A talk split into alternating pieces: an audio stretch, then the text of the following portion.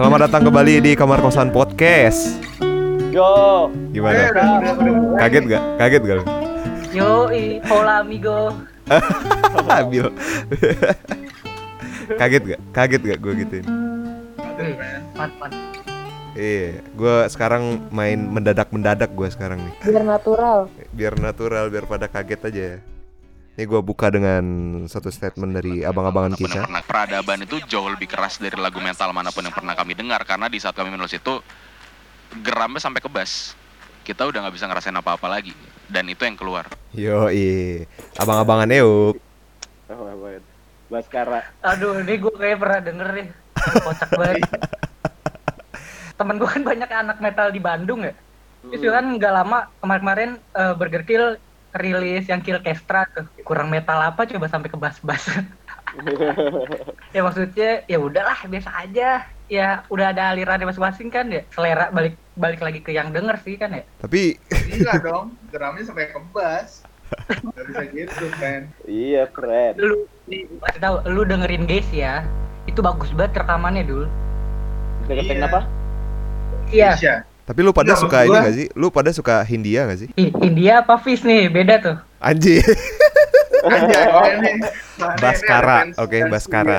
Baskara Kalau pada kalau umumnya. kata eh kalau ada ada orang yang bikin status. Ah, Kalau kalau Hindia itu ya. pa- kalau kalau Fish itu paham radikal. Kalau Hindia itu paham nasionalis gitu.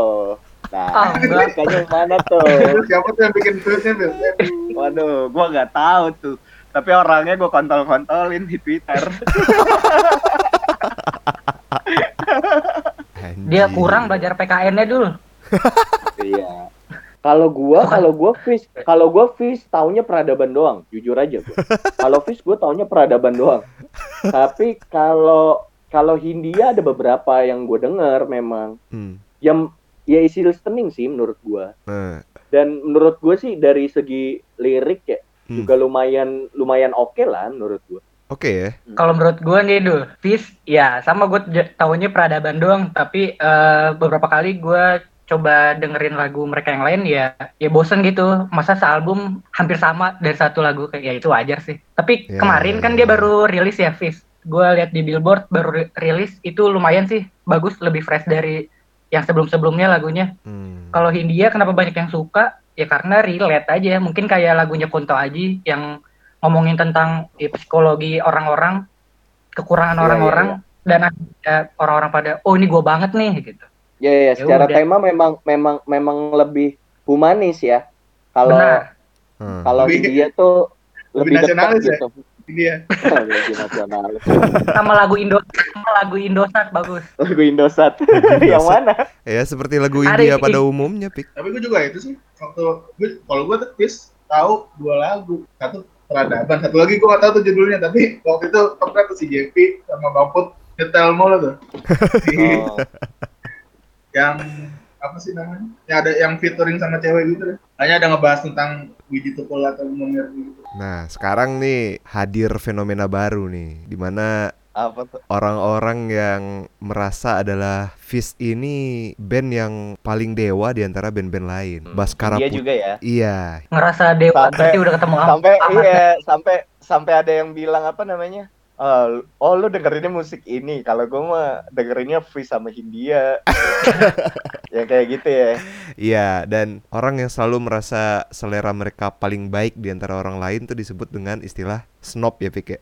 Iya benar. Nah, kali ini kita bakal bahas soal fenomena snob ini nih, teman-teman. Kalau kalau gue sih ini aja eh apa? Gue mau mau berstatement aja nih sama statementnya eh Baskara sama argumennya Baskara yang tadi Sikat, Pik. masalah masalah apa namanya peradaban tuh menurut dia eh, lebih metal dari musik metal lainnya gitu kan. gua gua ngakak sih dengernya sih. Iya ya, nggak kalau kalau gue pribadi sih ini tang potensi banget jadi statement yang kontroversial gitu Iya, kan. heeh, heeh. Beberapa minggu yang lalu gue habis dibantai sama haters hatersnya Fizz. Eh Oh, ya sama Di haters kemarin juga, friend. Lebih ke diserang Nggak. lah mungkin ya. Iya iya diserang lah, diserang sama hatersnya Fish Ah. di Twitter, Mm-mm. hatersnya Fish sama eh, Hindia. Karena kan setelah dia tuh dia tuh ngeluarin dua dua statement yang dibahas di Twitter tuh. Hmm. Yang pertama adalah yang geramnya sampai ke Bas. Mm-mm. Yang kedua, statement Baskara waktu interview sama Gofar tuh di Ngobam, dia bilang kalau anak-anak sekarang tuh udah nggak dengerin musik rock, dia bilang. Hmm. Nah, itu rame lah di Twitter. Nah, lu Cuma nge-tweet apaan? Lu nge-tweet bikin- apa dulu? nih, emang mungkin terkesan ngegurui dan gua dan gua marah nah. Gue tuh ke-trigger gara-gara adalah pokoknya mungkin uh, teman-teman Instagram gue yang ngeband juga gitu, Mm-mm. ya kan? Yang mungkin dia uh, bikin musik juga, ngeband juga gitu. Cuma ngata-ngatain ngenye ngenye Baskara lah gitu. Cuman Iya, iya, iya. eh, tidak dengan argumen gitu. Itu yang bikin gua yang bikin gua ke-trigger sebenarnya. Nah, Nah, ini tweet gua nih. Gatel lihat hatersnya Baskara macam pada bener aja lu semua kontol gua bilang.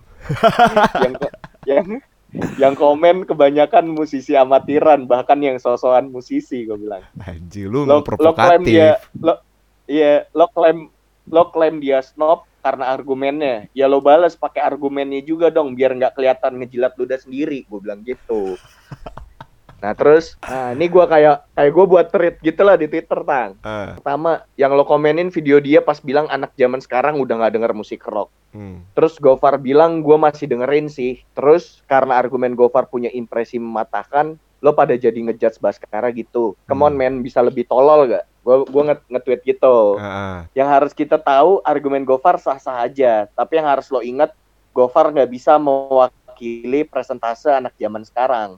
Gofar masih dengerin musik rock bukan berarti anak zaman sekarang kebanyakan juga dengerin musik rock. Iya dong, benar. bilang Mm-mm. sampai kapan lo pada mau sangkal argumen orang pakai cacian? Coba lawan dong pakai argumen lo sendiri. Padahal bisa banget lo cari data dari pendengar musik rock, terus lo share ke Baskara. Lebih pahit juga kalau lo balesnya kayak gitu. Data bukan dalam artian lo harus bikin sensus. Coba lo cari. Pasti ada kok yang udah bikin statistiknya, gue bilang. Ah. Nih kayak gini nih, ini data yang dibuat sama Tirto tahun 2017. Hmm. Kalau dilihat dari datanya sih ya omongan Baskara nggak salah. Nah datanya Tirto di sini nih ter- apa Tirto buat artikel musik rock perlahan ditinggalkan generasi Z. Hmm. Itu tahun 2017 tang. Iya. Jadi musik rock cuma didengerin 7,4 persen lah Terus, dari populasi dari populasi gen- ini ya eh, generasi Z. Iya. Gitu. Udah mulai ditinggalin ya. Heeh, terus gue bilang, setahu gue juga data statistik jarang ada yang menukik tajam. Apalagi kalau lihat dari tahunnya Tirto buat data tahun 2017. Sekarang 2020. Dalam range waktu tiga tahun mungkin ada kenaikan dan penurunan tapi nggak signifikan. Gue bilang Iya, kayak gitu. Iya. Gue akhirnya di sini mungkin da- eh, impresinya membenarkan statementnya Baskar, statementnya Baskara. Hmm, Kalau hmm. misalkan anak zaman sekarang udah nggak dengerin musik rock. Iya, Ya iya. emang datanya juga udah jelas gitu loh maksud Bener, bener, gue. bener, bener. Ya nggak sih? Gue bilang. Yang kedua, peradaban itu jauh lebih keras dari lagu metal yang pernah kami dengar. Karena di saat kami menulis itu geramnya sampai ke bas. Pertama, yang harus digarisbawahi yang pernah kami dengar. Ini opini subjektif. Terus salah. Oh iya Enggak, juga ya. nggak salah. Gue bilang kayak gitu. Heeh. Giliran lo nggak bisa berpendapat ngomongin demokrasi lo anjing. Gue gituin, Bang. Jatuh. Sabar, friend. Iya, kedua, ini kan yang interview pasti nanya tentang karya dia.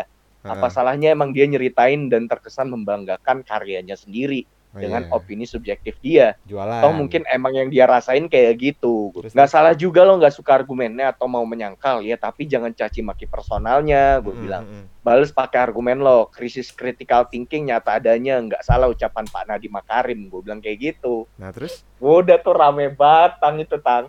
Buset, gue sampai semua semua musisi metal di tag ke gue, tau gak lu? Karena eh, ada ada yang ini kan, maksudnya eh, jadi banyak orang yang eh, punya niat untuk ngadu domba gue sama musisi-musisi metal itu tang. Oh gitu. Tau nggak lu? Karena karena kan gue gue di situ statement gue eh, banyak yang komen musisi amatiran kan. Heeh. Nah, yang lucunya tuh adalah yang yang argumen. Sorry ya, dengan lo kayak gini, yang ada malah makin berisik. Pakai bahasa yang santun, please. Yang gue tahu sih yang komen dengan sangat bijak itu salah satunya gitaris Dead Squad, sekaligus Andre and the Backbone. Gimana? Puas atau masih perlu diliatin komentar musisi beneran lainnya? Kata dia gitu Heeh. ya gue bilang ke dia Lu bilang gue nggak ngatain Steffi gue bilang karena Steffi pun balesnya pakai argumen gue bilang dia nyangkal Baskara pakai argumen gitu loh nah terus ya ya lucunya ya itu gue diajarin tata krama di Twitter. Maksud gue sih. ternyata iya lucu aja gitu di, di Twitter masih ada yang komenin tata krama gitu kayak ya udahlah ya. Ngajarin tata krama ya. Iya katanya bahasa gua nggak santun. Oh ya udah ya nggak apa-apa lah. Kan cara gua itu kan cara Iya. gua berekspresi. Menurut gua poinnya fair fair aja tapi poinnya nggak meng- nggak mengarah ke argumen gitu jadi cuma ngomongin tata krama. Oke bener dia mungkin Twitter tempat publik gitu loh. terus kalau Mm. pengen berdiskusi pakai pakai bahasa yang santun gitu. oke tapi dia nggak membuktikan apa bahwa argumen lo salah aja sih Mhm. memang memang Jadi, dia tujuannya ada- emang kayak gitu sebenarnya poin dari tweet gua adalah lo kalau nggak suka sama argumen orang ya balas pakai argumen jangan Hmm. ngatain personalnya gitu dong iya iya iya iya nah itu permasalahan gue sebenarnya gitu mungkin kalau Fis itu sendiri atau Hindia atau hal lainnya gitu memang eh jangan jangan. Kita bahas Baskara dulu mungkin mungkin Baskara itu snob lah ya bisa dibilang Hmm. gitu. Hmm snob. Tapi Hmm. bukan gimana ya? Di sisi tapi gue nggak nggak gimana juga ya? Nggak terlalu ada kebencian sama Fis atau Hindia gitu sih. Mhm. karena yang tadi Opik bilang juga di kebanyakan yang si Baskara omongin ini di kebanyakan cuma opini pribadi gitu. Lo boleh nge- nge-hate opini itu gitu. Tapi kalau nge-hate orangnya itu menurut gue nggak kondusif juga sih dan si- di sisi lain gue sering kali men, men- apa ya, menemukan fenomena-fenomena kayak gini tuh ketika ada band indie Hmm. yang tiba-tiba jadi terkenal oh iya iya Iya, iya iya kayak dulu itu kan ada apa Kiwi Gaskin tuh kan dulu sempet hits banget tuh APWG anti Kiwi Gaskin Iya. Mhm. for no reason ya, tanpa ada alasannya gitu. Alasannya ada tapi alasannya receh menurut gue gitu. kayak gara-gara Kiwi Gaskin dulu Lucinya sombong katanya. Iya, docinya Apa? sombong, sansannya homo, katanya gitu. Aduh, kok buat Masa orang Indo. ya, Gaskin dulu dari indie ke mainstream ya eh ke major label ya Benar-benar. eh, nah itu Turning gua- point, turning pointnya tuh yang waktu dia masuk inbox dulu. Nah ini menurut gua salah satu penyakit snob gitu loh. Ketika ada sesuatu yang disukai banyak orang, Hmm. snob langsung bilang wah ini gak berkualitas tanpa ada alasan yang baik. Makanya iya. gua walaupun mungkin ya pernyataan si Baskara itu mungkin agak menyebalkan bagi beberapa musisi, tapi ya justru sekarang gua lebih sebal sama snob yang membenci Kiss dan Hindia tanpa se- tanpa sebab. Gak Iya. membenci lah. Jadi lebih ngelihat apa ya? Lebih kayak "Lah, kok lu malah melawannya nggak secara berkualitas Ya, Berlaku. pasti Maksud kayak- gua kalau kalau gua kalau gua nanggepin fenomena ini kan akhirnya kan memang eh, harus dipecah belah apa kebagi dua gitu ya maksudnya ya ada haters hatersnya juga muncul ya karena fansnya Baskara yang yang kayak tadi yang gue bilang yang bisa-bisa dia menilai tentang paham radikal atau nasional yang yang tolol gitu menurut gua. Ha, ha, ha. karena snob itu kan nggak di musik doang ya kayak emang Iya snob itu dong. bukan bukan bukan bukan itu sih iya nggak ter, nggak terikat sama satu bidang doang Heeh, heeh. Iya iya iya. Maksudnya ba banyak lah snob-snob ini tuh tersebar di bidang-bidang lain gitu, Iya, nggak iya, cuma iya. musik gitu. Nah film nih film Enggak, ini aja dulu deh, kita general dulu. Menurut menurut Kinan sama Bill nih tentang snob gimana tuh? Snob mungkin gua taunya ya po kayak poser gitu kali ya, yang emang Mm. dia ya mungkin kan kayak contohnya tadi yang Baskara itu statementnya Baskara Hmm. Mm-mm. dari satu sisi yaitu keegoisan yang punya karya kan ya dia lagi di Hmm. tahap eh, dia lagi di tahap atas gitu terus dia Iya. bikin statement kayak gitu ya sah sah aja nah tapi setiap ada aksi itu ada reaksi dulu iya Nah, oh, Iya reaksinya benar. tampak snowball ya kan Mm-mm, Iya snowball. benar. oke kontra apalagi dia membahas tentang aliran musik yang lain gitu kan. Mm-mm. ada ada orang yang emang nggak pernah dengerin lagu rock atau apa gitu tiba-tiba dengerin Hmm. Fish akhirnya wah ini gue banget nih rock bangetnya kayak gue nih padahal dia nggak pernah dengerin The Brandals nggak pernah dengerin Iya. Iya. ap- apa gitu band-band yang Mhm. sejenis rock rock alternatif gitu kalau misalnya dibilang lebih dari lebih metal apa lebih musiknya lebih metal gitu kayak katanya Iya. ya lebih metal ya pokoknya ya kan mungkin itu antara ketidaktahuan Baskara atau emang Baskara lihatnya ya ini gue sekarang gitu ini gue bikin rasanya tuh gue seperti ini dia cuma ngeluapkan apa yang dari sisi dia si empunya karya gitu Mhm. Iya iya. ya kalau kuliah seni sendiri kan harusnya kan ya lu ada kuliah apresiasi seni kan ya itu dua SKS kalau lu belajar ya lu iya iya sebenarnya harus harus bijak gitu dul ya karena Iya iya. iya. ketika lu punya karya dul asik dan memandang karya orang lain kan sebenarnya harus lebih bijak juga sih Mm, mm, mm. apalagi dia baru gitu kalau si Snopnya ya banyak sih orang-orang kayak gitu dari zaman dulu juga Kalau lo melihat fenomena fenomena ini kan lo kan belajar sosiologi nih dul. yo yo itu Nah, ada nggak maksudnya yang memang tipikal manusia mungkin atau tipikal eh, ruang sosialisasi yang akhirnya ngebentuk kayak gini gitu. Maksudnya ada teorinya atau ada apanya gitu.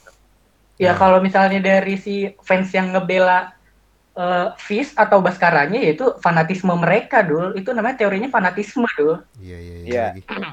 mereka ya asal berucap aja gitu dan sebaliknya yang kontra ke Baskara juga kan akhirnya mengomentari dengan hal-hal yang di luar konteks gitu ah hidungnya gini Baskara ah kalau nyanyi pales maksudnya jadi gak nyambung ke sta- statement utamanya gitu. Hmm. itu karena fanatisme itu. Kalau misalkan ya kalau menurut gua si Baskara ngomong gitu tuh ada dua hal. Ada emang dia mungkin ada marketingnya biar dikata Hmm. biar ditanya aja gitu biar rame. Iya atau iya. emang ya itu keegoisan dia sebagai yang punya lagu. Hmm. kan dulu lu kalau lu nonton apa namanya film realitas cinta rock and roll nama bandnya kan kocak. Eh bandnya Iya, apa nih iya. namanya? Vagina Iya, aja apa sih? Lupa tuh. Ya pokoknya Iya, iya, yang penting rame gitu ya udah gitu kan Hmm. yang penting dita- diomongin orang gitu Iya ya iya gitu benar-benar bisa jadi bisa jadi. Kalau gue sih misalkan mendefinisikan snob itu menganggap rendah orang lain ya di pengamatan gue kemungkinannya ada dua sih. Satu orang yang benar-benar paham akan satu bidang itu gitu. Mm-mm.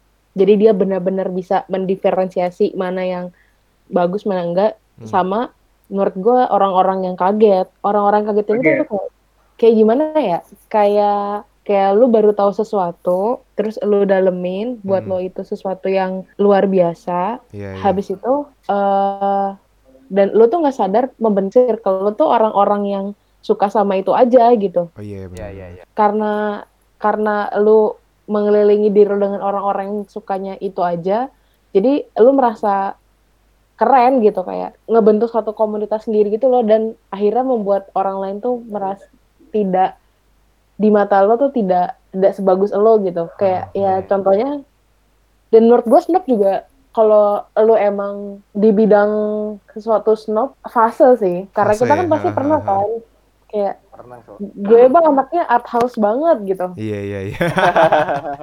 Kalau di film gitu ya. Heeh. Iya, tap- tapi kan itu ketika lo mencari lebih jauh lagi, pilihannya akan lo akan tetap sangat art house tapi dengan pengetahuan yang lebih mendalam Hmm. atau lo ya art house dengan tujuan ngejelekin yang lain aja gitu. Iya. Mm. Nah, fenomena yang muncul ke permukaan ini menurut gua adalah orang-orang yang kaget. Iya benar benar Hmm. benar. Iya iya iya. Jadi kayak pengetahuannya belum cukup, terus karena dia ngerasa dia beda, dia ini jadi kayak merendahkan orang lain sih. Hmm. Gua- Iya iya. ngeliatnya jadi kayak lu lagi shock aja mendapat sesuatu yang baru dan beda gitu Mhm. kayak Iya itu begitu Gue nilainya snob tuh kayak ini ya, kayak puber pengetahuan gitu loh. Iya. shock culture kan lu kayak ya lu berpendapat kayak for the sake of beda aja gitu loh nggak ada tujuan Nah, apa gitu Itu itu benar Iya, benar. Nice tuh. Setuju. Hmm. Karena gini, gue gak, gue gak setuju kalau, eh bukan gak setuju ya. Gue kayak merasa kurang setuju kalau snob itu orang yang paham banget. Hmm. Iya. Mhm. Karena, nah Tony itu juga baru menelaah definisi Inggrisnya ya. Hmm. Ada dua kata yang menurut gue kontradik, kontra, nggak kontradiktif, selera dan superior gitu. Jadi Hmm. orang yang menganggap dirinya punya selera yang lebih superior dari orang lain. Mhm. Selera itu kan udah udah pasti Subjektif. subjektif ya. Iya. Seleranya superior, berarti emang ada narsisisme gitu. Ya pengen Pengakuan dianggap ya. ya butuh pengakuan dari yang lain kayak Iya, friend. Itu tuh gue selalu bingung tuh. Kenapa kita pengen beda? Gue juga pengen beda sih, tapi Iya. why? Kenapa tuh Bill?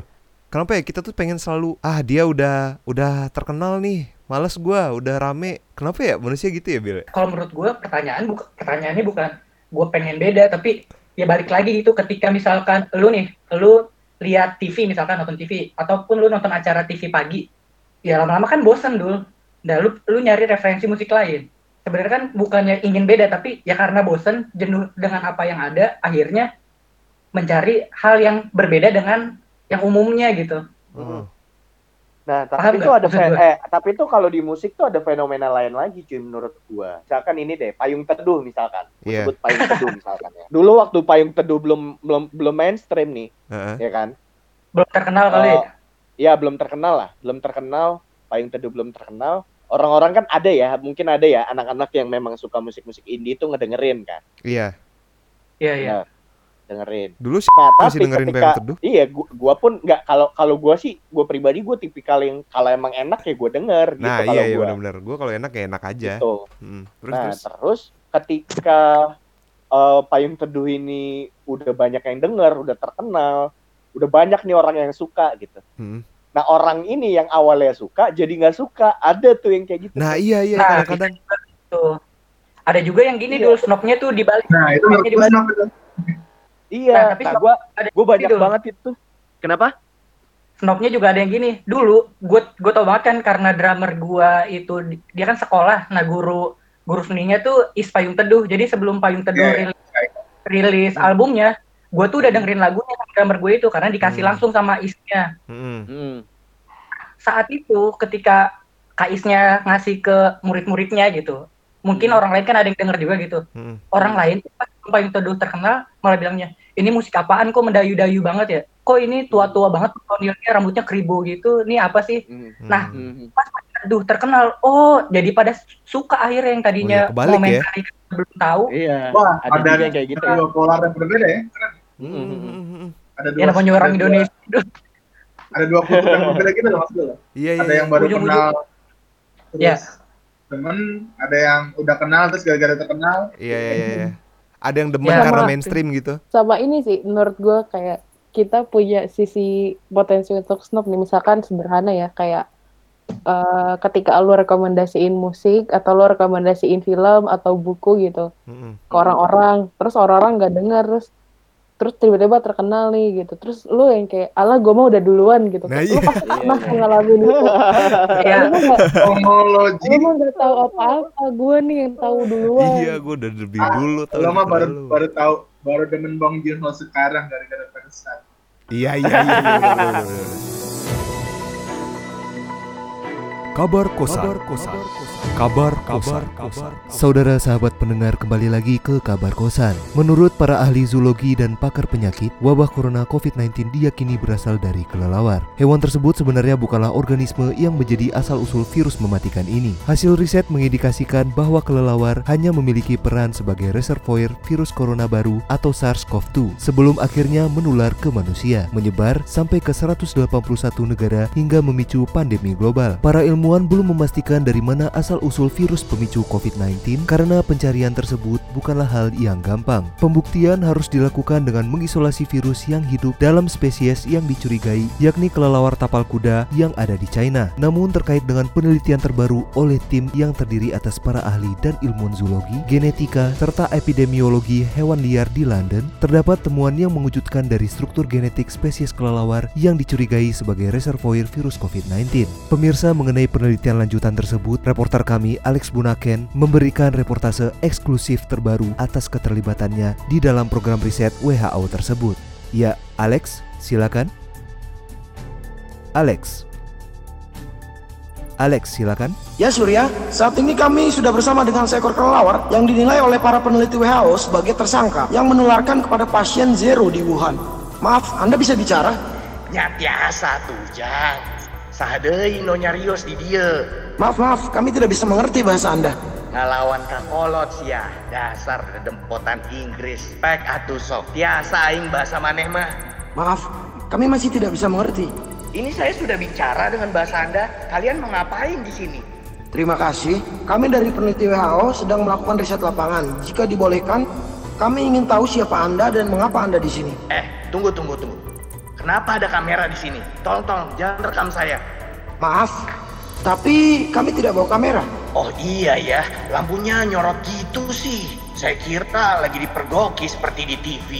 Baiklah, kami akan tanyakan lagi. Bolehkah kami tahu siapa Anda? Aing leluhur sia goblok. Maksud Anda?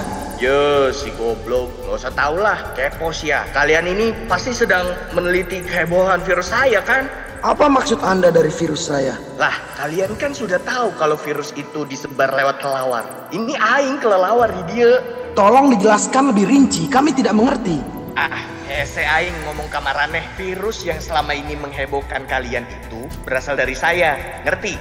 Jika begitu adanya, mengapa Anda menyebarkannya begitu saja? Nih, aing kasih tahu. Itu tuh sebuah alasan. Cuma miskom. Awalnya lagi liburan ke Amerika. Kataku si Bruce Wayne lagi sedih orang tuanya ditembak. Ya aing kasihan dong. Ya udah, terus aing kasih wejangan aja biar dia semangat. Nah, terus si Bruce Wayne malah pakai simbol aing untuk menegakkan keadilan. Aing sih nggak apa-apa, kan niatnya juga baik. Nah, penjahat-penjahat makin ngehe nih, aing makin iba. Ya udah aing bantu, aing gigit aja satu persatu. Eh, malah jadi anarkis. Ada yang jadi pinter, ada yang jadi gila. Tuh, mana lihat tuh si Joker. Hasil gigitan Aing itu. Terus Aing makin risih. Bruce Wayne juga udah kecewa sama Aing. Ya jadi Aing gigit lagi aja. Biar mati tuh para anarkis. Males Aing lihat orang udah anti pemerintah, tapi nggak ngerti maunya apa. Eh sekarang malah bikin sistem baru. Katanya anti. Ternyata eh ternyata Aing gigit lagi malah sesak napas. Tepar tuh di jalan. Tapi bukannya COVID-19 terjadi di Wuhan, China? Eh, galak, dengekeun, can selesai aing cari tanah. Sebenarnya pertama kali virus saya adanya di Gotham, tapi udah diberantas sama si Bruce. Ya biasalah, Joker bikin geng nakal sama yang lain buat nyebarin virusnya ke seluruh dunia. Katanya sih Cina di luar. Si Joker tuh rasis. Ini Joker yang mana ya? Heath Ledger lah, Geus Eta kan mati karena kena virus. Itu juga pas lagi nyiapin rencana. Sekarang diterusin tuh sama si Joaquin Phoenix. Sebelumnya si Jared Leto gagal, sama tuh kayak si Batman yang lama pada nyerah sama corona. Sekarang giliran si itu Om Pattinson nggak tahu deh gimana kinerjanya melawan virus aing. Terus kalau virus itu berasal dari Anda, kenapa Anda tidak menghentikannya? Ya si Maning goblok bener. Kalau udah tahu, mana mungkin virusnya masih ada. Ih, Aing malu. Makanya Aing tinggal di dia sekarang. Eh, seumur umur Aing belum pernah ngerasain malu kayak gini. Jadi, umur Anda sudah berapa? Ya udah berjuta-juta. Keren kan Aing? Ya sebelum ada manusia purba, Aing pokoknya udah ada. Capek pisan hidup lama-lama. Bener-bener kayak vampir Aing. Dulu mah Aing yang ngasih tahu orang-orang purba cara berburu sama cara bercocok tanam. FYI aja nih, Aing sampai sekarang terkenal loh. Meskipun Marane anggap fisik Aing seperti manusia. Memangnya sama nih. Eh, jadi Sunda. Ya, semua agama yang disembah sama spesies Maraneh itu semuanya nyembah Aing. Aing heran, kenapa pada gengsi banget gak mau bilang Aing itu kelelawar. Yang satu narsis, bentuknya disamain kayak Maraneh. Eh, yang satu gak kelihatan. Berarti Anda itu adalah Tuhan? Eh, jangan ngomong gitu. Sebut aja Aing langsung. Jangan pakai nama samaran Aing. Tapi Maraneh bener kok tebakannya. Ya kaget wajar, tapi jangan dikasih tahu yang lain. Nanti panik, lebih panik dari corona. Aing mah nggak mau terkenal, lebih ingin menyendiri aja. Terselimuti oleh kesepian. Udah biasa, orang baik mah selalu gitu. Eh, kela kela kela kela. Sekarang yang main jadi Robin, sahanya. Sekarang yang jadi Robin kan enggak kalau Ya, pemirsa sepertinya terjadi gangguan teknis. Untuk itu sementara kembali ke podcast Kamar Kosan.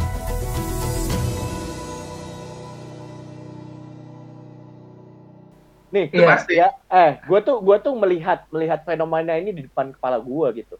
Hmm. Kayak ada satu temen gue yang yang ngasih tahu gue tentang Rex waktu itu Rex Orange County, Iya, iya, iya, iya. ya kan? Da- dan gue Iya, memang iya. pas, iya pas pas gue dikasih denger Rex itu, gue bilang anjir nih, enak Sabi banget gitu, nih enak, Rex heeh, gitu. heeh. Gue gue jadi dengerin dong, dengerin dengerin, udah. Nah terus ada deh kalau nggak salah tuh waktu itu Rex mau ke Indonesia tuh katanya tuh. Hmm. Iya iya.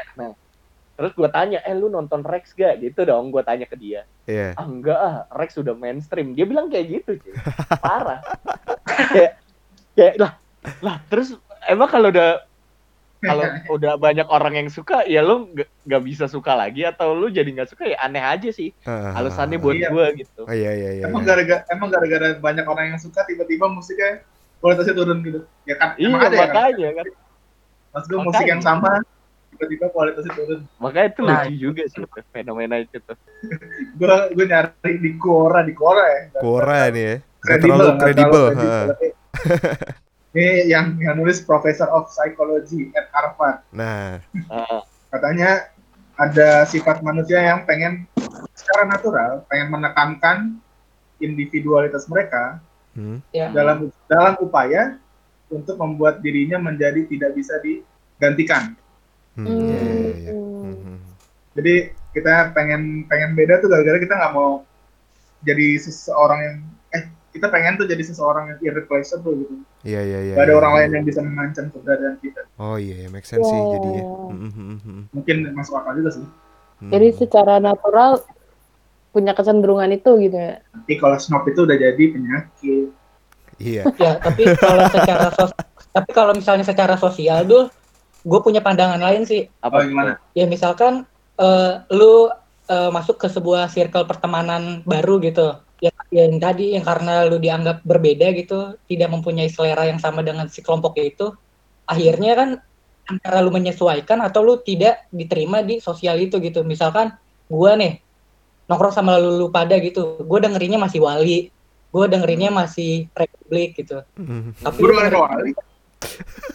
lu misalnya misalnya gitu dul nah lu kan lu kan apa dengerinnya yang lagu yang gua nggak tahu nih Heeh. Hmm, sampai akhir misalnya gue minder gitu ataupun misalnya gue dibully gitu sama kalian Hmm. Iya. nah gua kan juga butuh pengakuan gitu kalau Iya, gua iya. gue tuh gue tuh ngerti nih gitu Hmm. tanpa dia jadi secara apa sih dul terpaksa gitu ya kebutuhan sosialnya gitu yang penting gue dianggap sebagai teman di di kelompok itu Iya. gitu gue dianggap sama gitu gue dianggap keren gue dianggap wih lu udah lu udah ngerti lu udah dengerin Rex Ponti lu udah dengerin Pamungkas lu udah dengerin siapa Pampumpim Fruit itu.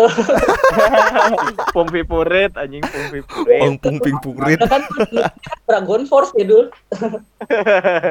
Iya ya banyak itu misalnya kalau di, ditelaah secara sosial ya antara kebutuhan dia akan sosial ataupun emang butuhnya pengakuan individu terhadap sebuah kelompok. Ada jadi secara naluriah tuh ada dorongan manusia tuh biar dia eksis ya.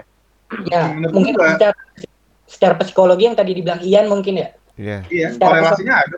Kalau dilihat kan dari tadi ke yang secara sosial tadi. Tapi menurut kalian ada pengaruh sama konsumsi atau tontonan kita nggak sih? Kalau misalkan kita nonton film ya, Hmm. kayak kayak Spider-Man gitu misalnya. Hmm. Dia kan bukan orang yang punya temen, terus Hmm. gimana-gimana, terus tiba-tiba dia jadi hero. Atau Iya. banyak kan film-film yang misalkan cewek nih di saat cewek-cewek lain, cewek stereotype, terus cewek ini suka musik yang nggak suka, Iya. bukan kayak yang cewek stereotype ini, Hmm. cewek jadi punya kesan yang ini gitu. Jadi kayak ada apa ya pengaruh juga terhadap kalau kita ah anjir jadi beda tuh ini juga ya gitu. Hmm. Jadi kayak Hmm. framing framing konsumsi media massa juga sih ada pengaruh. Iya, iya. benar Kalau gua setuju Nan, ada pengaruhnya. Tapi menurut gua film itu juga kayaknya mengeksploitasi naluriah kita nggak sih? Hmm, iya Kayak Pastilah. yang karakter yang karakter yang outcast, ada Iya, iya, iya benar-benar. seolah-olah teralienasi dari masyarakat. Iya, iya. ternyata jadi gitu. yoi yoi Tapi mungkin gara-gara itu jadi konsumsi masa kita, kita menjadi lebih ke apa ya? Insting naluri naluri kita tuh lebih ke lebih ke trigger gitu loh. Iya, Oh iya iya. nih. Karena udah kita ngeliat contohnya langsung gitu loh. Wah, Iya, iya. ini keren nih. Orang yang asing, orang yang beda, Hmm. keren nih. Ada di film-film atau di media masa lainnya gitu. Bagus Iya, ya. iya. Hmm. Kalau cerita kan emang itu kayak ininya ya seninya ya dibikin sangat kontras gitu ada karakter ini ada karakter itu. Nah kadang-kadang kita di kehidupan nyata sukanya menyamain nama referensi yang kita tonton gitu jadinya ya Ya, iya. Jadi semakin ke trigger kan. juga. iya Gila, banyak banget cuy snob itu macamnya kayak gue sendiri nih kayak zaman-zaman SMA, SMP pas senang-senangnya nonton series gitu. Misalkan katakanlah ada series A, terus dia eh, protagonisnya banyak gitu, dia kayak satu segerombolan gitu lah. Hmm. Nah, Hmm. terus tuh gue tuh merasa gue lebih ada sisi diri gue gue merasa lebih keren karena eh, karakter favorit gue tuh bukan karakter yang orang-orang suka Iya, Iya. iya, iya, iya. Itu relatable. Banyak Iya. tuh yang gitu. Semua kayak gitu. Itu kalau itu kalau di sosiologi namanya ya lu eksklusivisme gitu. Oh, Oh. eksklusif. Oh, Ya eksklus. lu pengen dianggap eksklusif gitu. Iya, ya iya, kan iya, otomatis lu keren, lu beda, Mm-mm. lu dikit gitu dari dari sis Iya, iya, iya. orang umum gitu. Eh Bang Bismo tuh ada Bang Bismo. Eh, ada Bang Bismo. Hehehe. Kalau ada Bang Bisa mau ngomongin para sinema. Ya. Tapi tapi gue tuh gue tuh sempat baca satu satu artikel yang Billy tulis. Eh, dia nulis di pijar psikologi itu ada satu teori tentang apa sih inferioritas sama superioritas ya. Jung sama Adler. Kan? Oh iya Jung sama Adler. Iya iya iya iya Adler Adler kalau nggak salah ya. Iya maksudnya memang memang manusia tuh ada dorongan untuk terlihat superior gitu nggak sih? Iya, iya. Secara naluriah. Iya pasti ada tuh. Makanya maksudnya mungkin mungkin ketika ada ada teori kayak gitu ya jadi wajar juga nih fenomena snob kayak gini kan. Bener, gue gue setelah dengerin itu dari si Bill tadi ya, iya bener juga ya emang. Udah, Bil, Bil mana Bil? Ah, anjing baru diomongin hilang nih si Bill nih. Cuman ya tingkatannya beda-beda aja gitu. Makin makin banyak referensi kita, makin banyak pengetahuan kita ya kita makin nggak snob gitu. iya Tapi emang ya Iya. setelah kita mempelajari apresiasi seni ya kita jadi nggak ya nggak snob-snob banget lah gitu. Jadi setelah gue pikir-pikir, anjir apresiasi emang penting banget ya biar nggak nggak gini-gini nih selalu nyela sini nyela sana, yang ini bener, yang itu salah gitu. Tapi Iya, snob iya. tuh banyak banyak banget tang, nggak cuma di musik snob itu. Iya dong, iyalah. Salah satunya ya, sorry ya, ini no offense, gue no offense sama Eh. sekali. Eh. Tapi gue harus sebut ini karena mungkin ini juga yang gue gue lihat. Bahais gitu. nih, Jadi, bahais. Iya, jadi eh snob snob aktivisme. Eh lah. Ah, oh. Oh, men- menyentuh Kinan kesel. area. Kinan kesel. Enggak enggak. Maksudnya Kita nggak ada snob. orang Oh, orang yang kayak gitu ada juga Ada. kan. Episode kita kemarin Ini deh. ada. Mau kita undang apa nih orangnya sekarang? Eh, jangan, jangan, jangan. Enggak enggak. Soalnya gini, soalnya gini. Maksud gua eh, untuk masalah aktivisme ini, gue cukup cukup ini kan memantau lah kasarnya tang. Hmm. Kayak gue cukup cukup memperhatikan lah karena gue punya concern juga di hal-hal politik gitu. Maksudnya gue juga suka lah sama Iya. hal-hal politik gitu. Iya iya iya. gue juga suka apalagi eh, di kampus gitu setelah ada demo-demo RUU KUHP dan lain-lain gitu maksudnya gue juga eh, sempat sedikit eh, ikut turun lah masalah-masalah kayak gitu kan Iya.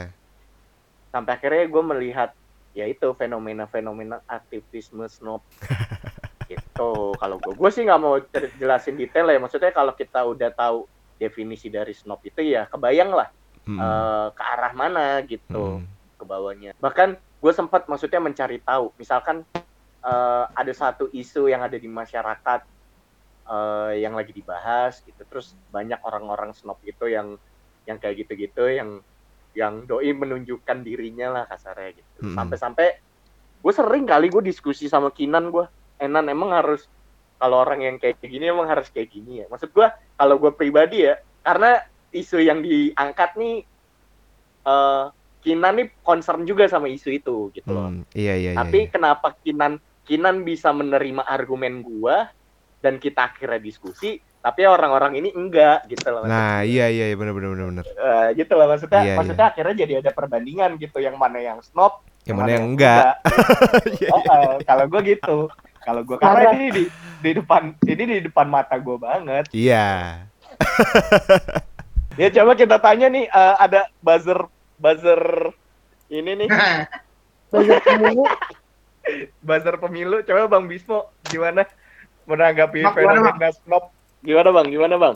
menurut gua ini aja sih itu snob tuh kayak sifat alamiah sih seiring berjalannya waktu Heeh. dia tuh emang bakal hilang snobnya cuman buat orang yang orang yang udah nggak snob kesel ngelihatnya Iya iya. Iya iya iya. Soalnya mengingatkan. Snob itu menjadi pantas, pantas untuk nggak di nggak pantas untuk dihina sih, tapi oke lah. Ini Iya, iya. itulah apa ya hiasan aja ya, pantas untuk Ah. dihujat. Pantas udah. Karena Ketika karena enggak enggak karena dulu kalau dia dihujat, dia akan belajar dulu. Bener. Nah itu Nah, gue tadi pengen, jadi nggak snob. gue pengen ngomongin batasan batasan snob yang pantas dihujat dan yang nggak pantas dihujat tuh. Iya. Nah, nah ini apa nih. Coba coba Apa yang coba coba dihujat coba tuh? Yan. Yang pantas dihujat tuh yang udah mengatur-ngatur selera orang lain. Kan. Nah, Oh, iya, iya itu. Itu gue udah kesel banget itu. Itu yang udah kayak Itu parah, itu juga gua ah film lo Kenapa? jelek gitu. Kita Iya, iya. film yang lo tonton itu doang. Gitu. Nontonnya Iya. Saiming Liang Apaan sih? dong gitu. Ah nontonnya Apaan tiga jam doang. apa apaan sih lu dengerin musiknya itu? Gua dong dengerin Fish. Nah, ya gitu-gitu yang udah Iya. ngatur-ngatur ya. Itu menurut gue tuh udah pantas dihujat tuh. Iya, bener bener bener. Kalau belum sampai ke situ masih Ya oke lah, fine ya. Iya, Kita iya. begini nggak nyalain pemikiran orang ya? Kenapa? Begini, kita begini nggak nyalain pemikiran orang ya? Eh kita kita Oh, emang snob. dong. Kita emang snob, Bang. Enggak. Ya nggak Enggak, silakan. Iya. Karena kita emang kita snob. kan ya jadi judul judul podcast hari ini adalah membahas snob dari sudut pandang podcaster snob. Nah, Enggak. Iya. Kalau kita tidak mengatur, kan kita Kita cuma menghujat. Kita mau hujan. Iya, nggak mengatur kan. Selain tadi kan kita udah bahas musik ya. Kita udah bahas eh, tadi gue sempat nyinggung aktivisme juga. Nah, sekarang yang Seg- paling dekat sama kita nih. segmen pamungkas ini ini ya. luar biasa ini. Film snob. Gimana Ian? Wah. Menurut Ian? Panas. Gua, ya, gua, gua agak takut nih friend. So, enggak yang seperti Bang Bismo bilang tadi gitu. Gua kesel gara-gara mengingatkan sama diri gue yang dulu gitu. Iya iya iya iya. Karena emang kan sekarang sinetron sinetron lagi hits hits gitu ya di ya. medsos. Jadi semua orang pada berlomba-lomba untuk membagi tontonan teredgy-nya dia. gitu. Anjir. Ya. Iya iya iya iya iya iya. Gue sih sebenarnya gimana ya? ya gue gara itu aja sih, mengingat, mengingatkan sama diri gue yang dulu. Sama, gue juga. Maksudnya Cringe ya, Kalau- cringe ya. kalau gue ya enggak di sisi lain di sisi lain gue ngerasa cringe gitu dan gue pengen banget ngehujat ini orang gitu maksudnya cuma di sisi lain gue gua pun ya ketawa karena anjir nih kayak gue dulu juga nih maksudnya kita Tapi kita nggak pernah ya. ngatur selera sih. nah Ya, kita kita nggak pernah ngatur selera cuma Iya. kalau gue pribadi sih gue pernah ngerasa kalau gue yang paling beda kalau gue Nah, kalau gue itu Nah itu pasti. Ah, ah. cuma untuk ngatur ah lu nggak usah nonton ini itu gua nggak nggak pernah sama sekali gitu Gue ngerasa dulu gue orang yang paling banyak nontonin film-film. Entah dari dari mana kan gue nontonin tuh ya. iya. Terus ya gue ngerasa punya sedikit jumawa aja gitu. Jadi kayak sosok jadi sinematek berjalan anjing. Wih. Ada Iya, pres terus sendiri ya. Iya, Iya, terus iya, iya. akhirnya gue mikir kan semuanya ternyata emang gue belum nonton se- film seluruh dunia juga anjing gue masih kecil Iya iya. iya ya pada akhirnya kan kita belajar kan sering Iya. berjalannya waktu gitu tanpa kita harus mengatur selera orang sebenarnya Hmm. maksudnya apalagi apalagi kita di kampus seni ya menurut gua memang sangat terasa banget gitu eh, tiap semester perkembangan Iya, tidak parah. hanya perkembangan karya ya Mm-mm. perkembangan pola pikir Hmm. perkembangan pribadi kita pembawaan dan lain-lain tuh Banget. berasa banget cuy Banget banget. ya nggak sih Sekolah seni emang sih spesial banget sih. Semakin kita tahu, semakin kita nggak tahu, men. Iya, Ah, parah. Nah, gue pernah tang punya pengalaman pribadi juga sama si Neville Snob. Aduh, aduh, aduh, aduh. Sama ini di sama ini gue gua nggak tahu ya. Kayaknya emang gue suka bikin onar ya. Tapi sama ini gue Emang bacotin juga di Twitter tang. Eh, Ada orang dia komen tang. eh. Dia bilang iya emang 1917 tuh sampah buat gua. Terus Hmm. kenapa? Kata kata si si Neville ini. Iya. Terus adalah teman kampus kita bales. Roger dan Roger dan Dennis emang full of shit ya buat lo. Sampai menang dengan sampai menang best sinematografi lo bilang sampah. Kata kata teman kita Kata gitu. kita. Terus orang ini bales. Mohon maaf, aspek film banyak, bukan cuma pro- production production design dan sinematografi. Eh, Bagian takaran menang award tidak lantas menjadikan penilaian valid. secara personal untuk sebuah film. Dibalas lagi sama teman kita. Hmm. Apakah lantas juga mulut lo menginterpretasi sebuah film seperti itu? Widih. Anda siapa? Ziga Petov, Bazang, atau siapa? Memang tidak salah menilai secara personal. Tapi lu siapa dan kenapa sampai menilai dengan kata sampah? Terus dibalas lagi sama si Neville ini. There's no rule for it. Mau gue siapa atau bukan siapa-siapa. Gue punya hak untuk bisa menilai secara objektif dan subjektif. Ya Hmm. kalau berdasarkan pengalaman subjektif gua memang filmnya sampah lantas harus gimana? Nah, cuma para fenomena-fenomena snob film ini ini tang. Gua ngerasa kayak kalau kalau dia dihujat secara keras, dia tuh akan ngebalesin kayak dia nerima panggungnya gitu loh, tang. Sampai akhirnya gua gua nggak nggak nggak ngebacotin dia secara kasar. Gue jelasin, gue jela, gue bilang gini, iya, yang lo omongin nggak salah, gue bilang. Hmm. Tapi kalau lo menghargai sinema sebagai suatu karya seni, landasan dalam cara lo mengkritik itu penting, gue bilang. Iya dong. Belajar film kan, gue gituin. Hmm.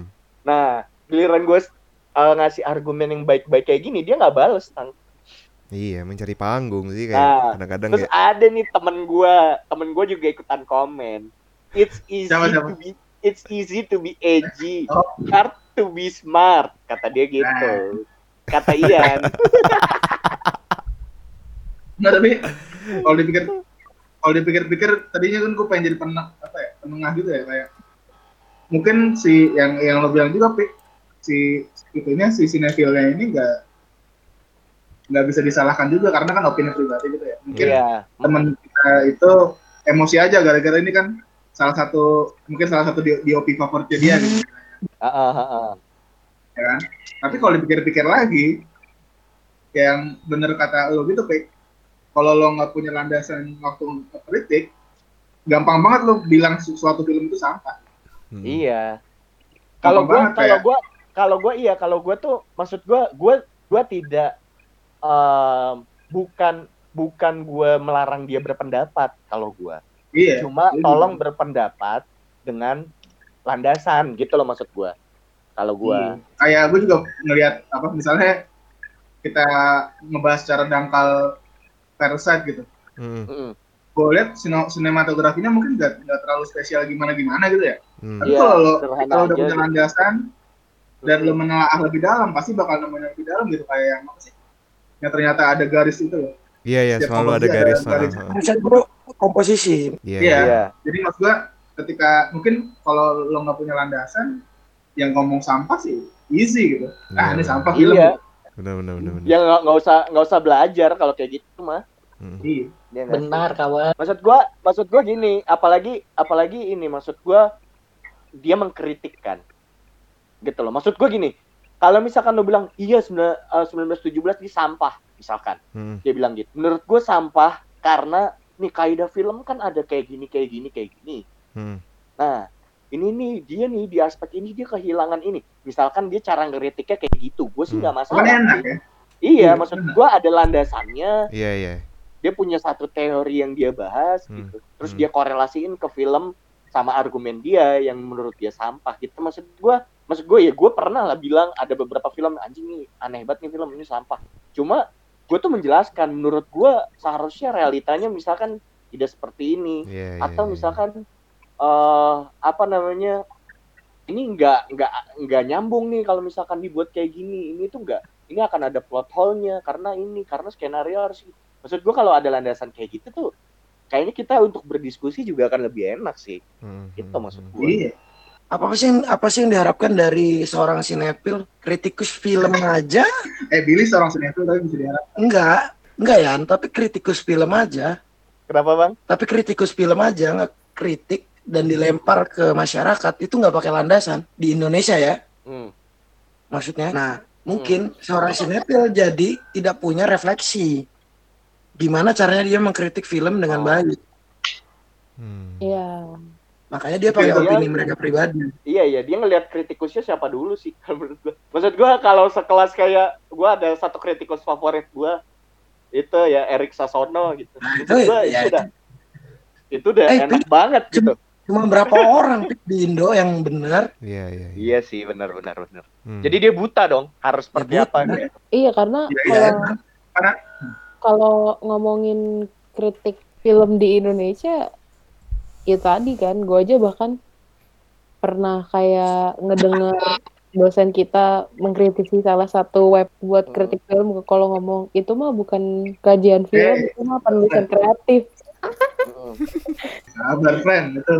Nah, tapi, Ya, ya. tapi gue membenarkan omongannya Bang Bismo sih sebenarnya bahwa dari sisi kritikus film aja belum mengkritik dengan landasan gitu bagaimana si sinetfil gitu. Hmm. Iya mungkin ya. Kita ngomong kayak gitu, bukan berarti kita membatasi opini orang lain ya nggak sih? Iya benar benar. Benar. Ha, Kita lebih kayak apa ya? Lebih kayak ngasih saran. Hmm. Lo boleh ngasih opini, tapi berusahalah agar opini itu tidak terdengar bodoh dan mungkin bisa menjadi saran yang baik untuk orang lain gitu. Iya iya. Yo, mantep Rian. Yang Apalagi apalagi konteksnya tuh bidang ilmu cuy. iya Itu iya loh harus hati-hati banget. Maksudnya ada bidangnya, ada ilmunya. Maksud gua kayaknya kayaknya gua nggak akan bisa ngeritik urusan kedokteran secara gamblang dan mentah kayak gitu deh. Maksudnya karena itu bukan bidang gua gitu. Gitu loh, gua nggak tahu apa-apa gitu. Gue punya pertanyaan tuh di kepala gue. Kalau seni itu ada poin-poin penilaiannya, Hmm. bukan eh, seni itu jadi seperti teknik punya template. Kat- eh, bukannya seni itu dinilai dari rasa selera ya. Nah itu dia. Jadi kayak gue kalau emang lu punya landasan, landasan yang kayak gimana, yang enggak kayak jadi template teknik gitu loh, lu nilainya. Iya, iya. Kalau gue sih kayak itu aja. Misalnya, ini kalau ngomongin kritik ya, menurut gue ya, di semua, eh, nggak, nggak semua ya, mungkin ya, mayoritas yang tulisan persuasif itu agar menjadi persuasif dan bisa menjadi ilmu yang bermanfaat itu kan butuh referensi banget. Tapi sebenarnya kan tulisan artikel itu sendiri pasti nggak bakal jauh dari yang namanya subjektivitas. gitu. Karena mungkin ada keresahan si penulis ketika menulis esai atau kritik ini, tapi untuk bis untuk apa ya untuk subjektivitas yang bisa diterima oleh orang lain maka dia butuh backing backing backingan referensi gitu. Hmm. menurut gua kritik seni pun kayak gitu bang cara kerjanya gitu jadi lu punya referensi ka kaidah apa lu interpretasikan secara subjek subjektif gimana terus lu tulis apa ya keresahan subjektif lu apa terus lu tulis argumen lu apa kira-kira bisa nggak nih meyakinkan orang lain atau meyakinkan diri lo sendiri bahwa pendapat lo ini benar gitu gitu Hmm. kalau menurut gue sih ya. Kalau gue sih ya, misalkan ya gue berbicara yang gue paham ya film. Kenapa ada landasan pengetahuan gitu gitu? Kenapa kita membuat teori bukan dikotomi ya, pem- eh, kategorisasi gitu ada film ini ini ini ini film A, film B, film C, genre A, B, C gitu kan, struktur A, B, C. Menurut gue ini sih ke ketika kita ingin sifatnya menulis kritik ketika kita tahu ciri-ciri mediumnya dan teori itu kan terbentuk ada bantuan ini ya situasi sosial, situasi politik, psikologi pada masa itu segala macam gitu. Jadi ketika kita menuangkan kritik kita tahu bagaimana cara memandang sebuah film gitu. Misalkan kayak eh, memandang estetika film Avengers gitu misalnya ya udah estetika dari segi pasar, dari segi market. Beda ketika kita mema- eh, memandang estetika film yang emang film-filmnya film art gitu. Iya iya iya. Secara akademik misalkan gitu ya. Iya, jadi bisa menentukan konteks juga ya Iya. iya jadi kita ketika me- mengeluarkan pendapat tuh udah paham bahwa yang kita komentarin ini ada di ranah mana dan Hmm. harus dikomentari seperti apa Benar, menurut benar, gua benar, gitu. Benar benar. oh ya bagus tuh lu lebih bagus Ya berarti tuh bukan ya apa ujung-ujungnya mah bagaimana ke- bijaknya seorang pengkritik terhadap apa yang dikritik dul. Maksud gua karena kritik film tuh sangat bagus banget cuy untuk perkembangan ekosistem film itu sendiri ya enggak sih? Iya. Gitu. Kalau lo ngeritiknya snob kayak gitu ya ya lo tai dah. kita balik Iya. ke lagi pakai snob itu simpulannya snob itu apa kan gue sebel gue sebel banget gue. Snob adalah fase. Tapi kalau misalkan mindsetnya dirubah dul, ketika lu ngomong tai gitu, apakah menurut orang yang lu bilang tai itu lu adalah snobnya dul? Bingung gak tuh? Ih anjing. Hmm. Jadi kayak ini ya. Jadi kayak Ya nggak apa-apa sih. Iya paradoks ya. juga. Ya kalau gue balik Iya, lagi iya juga. Enggak dari tadi kan kita berargumen. Gue berargumen juga kan dari tadi. Hmm. Tapi Kalau kita misalkan- berdasar, ya gak? Iya. Ah. Kalau misalkan kalau misalkan dia nggak suka ya ya udah bantah aja argumen Iya. gue. Gitu. selama kita nggak Ya, ngurusin gitu. ngurusin seleranya orang. Dong, Seperti- Terserah seper- mau lu mau nonton uh, Berarti apa? Simon Liang, mau nonton Lapias yang 10 jam lu nonton, lu pause, lu tidur, terserah lu caranya, terserah lu. Itu mah Iya iya. selera lu. Kalau gua mah nggak mau ngatur. Seperti yang Ian bilang, it's easy to be edgy, it's hard to be smart. Yo, Iya, betul. Itu udah itu udah keren banget dia. Ya lah, sampai jumpa di episode kamar kosan berikutnya, teman-teman. Bye bye. Bye bye.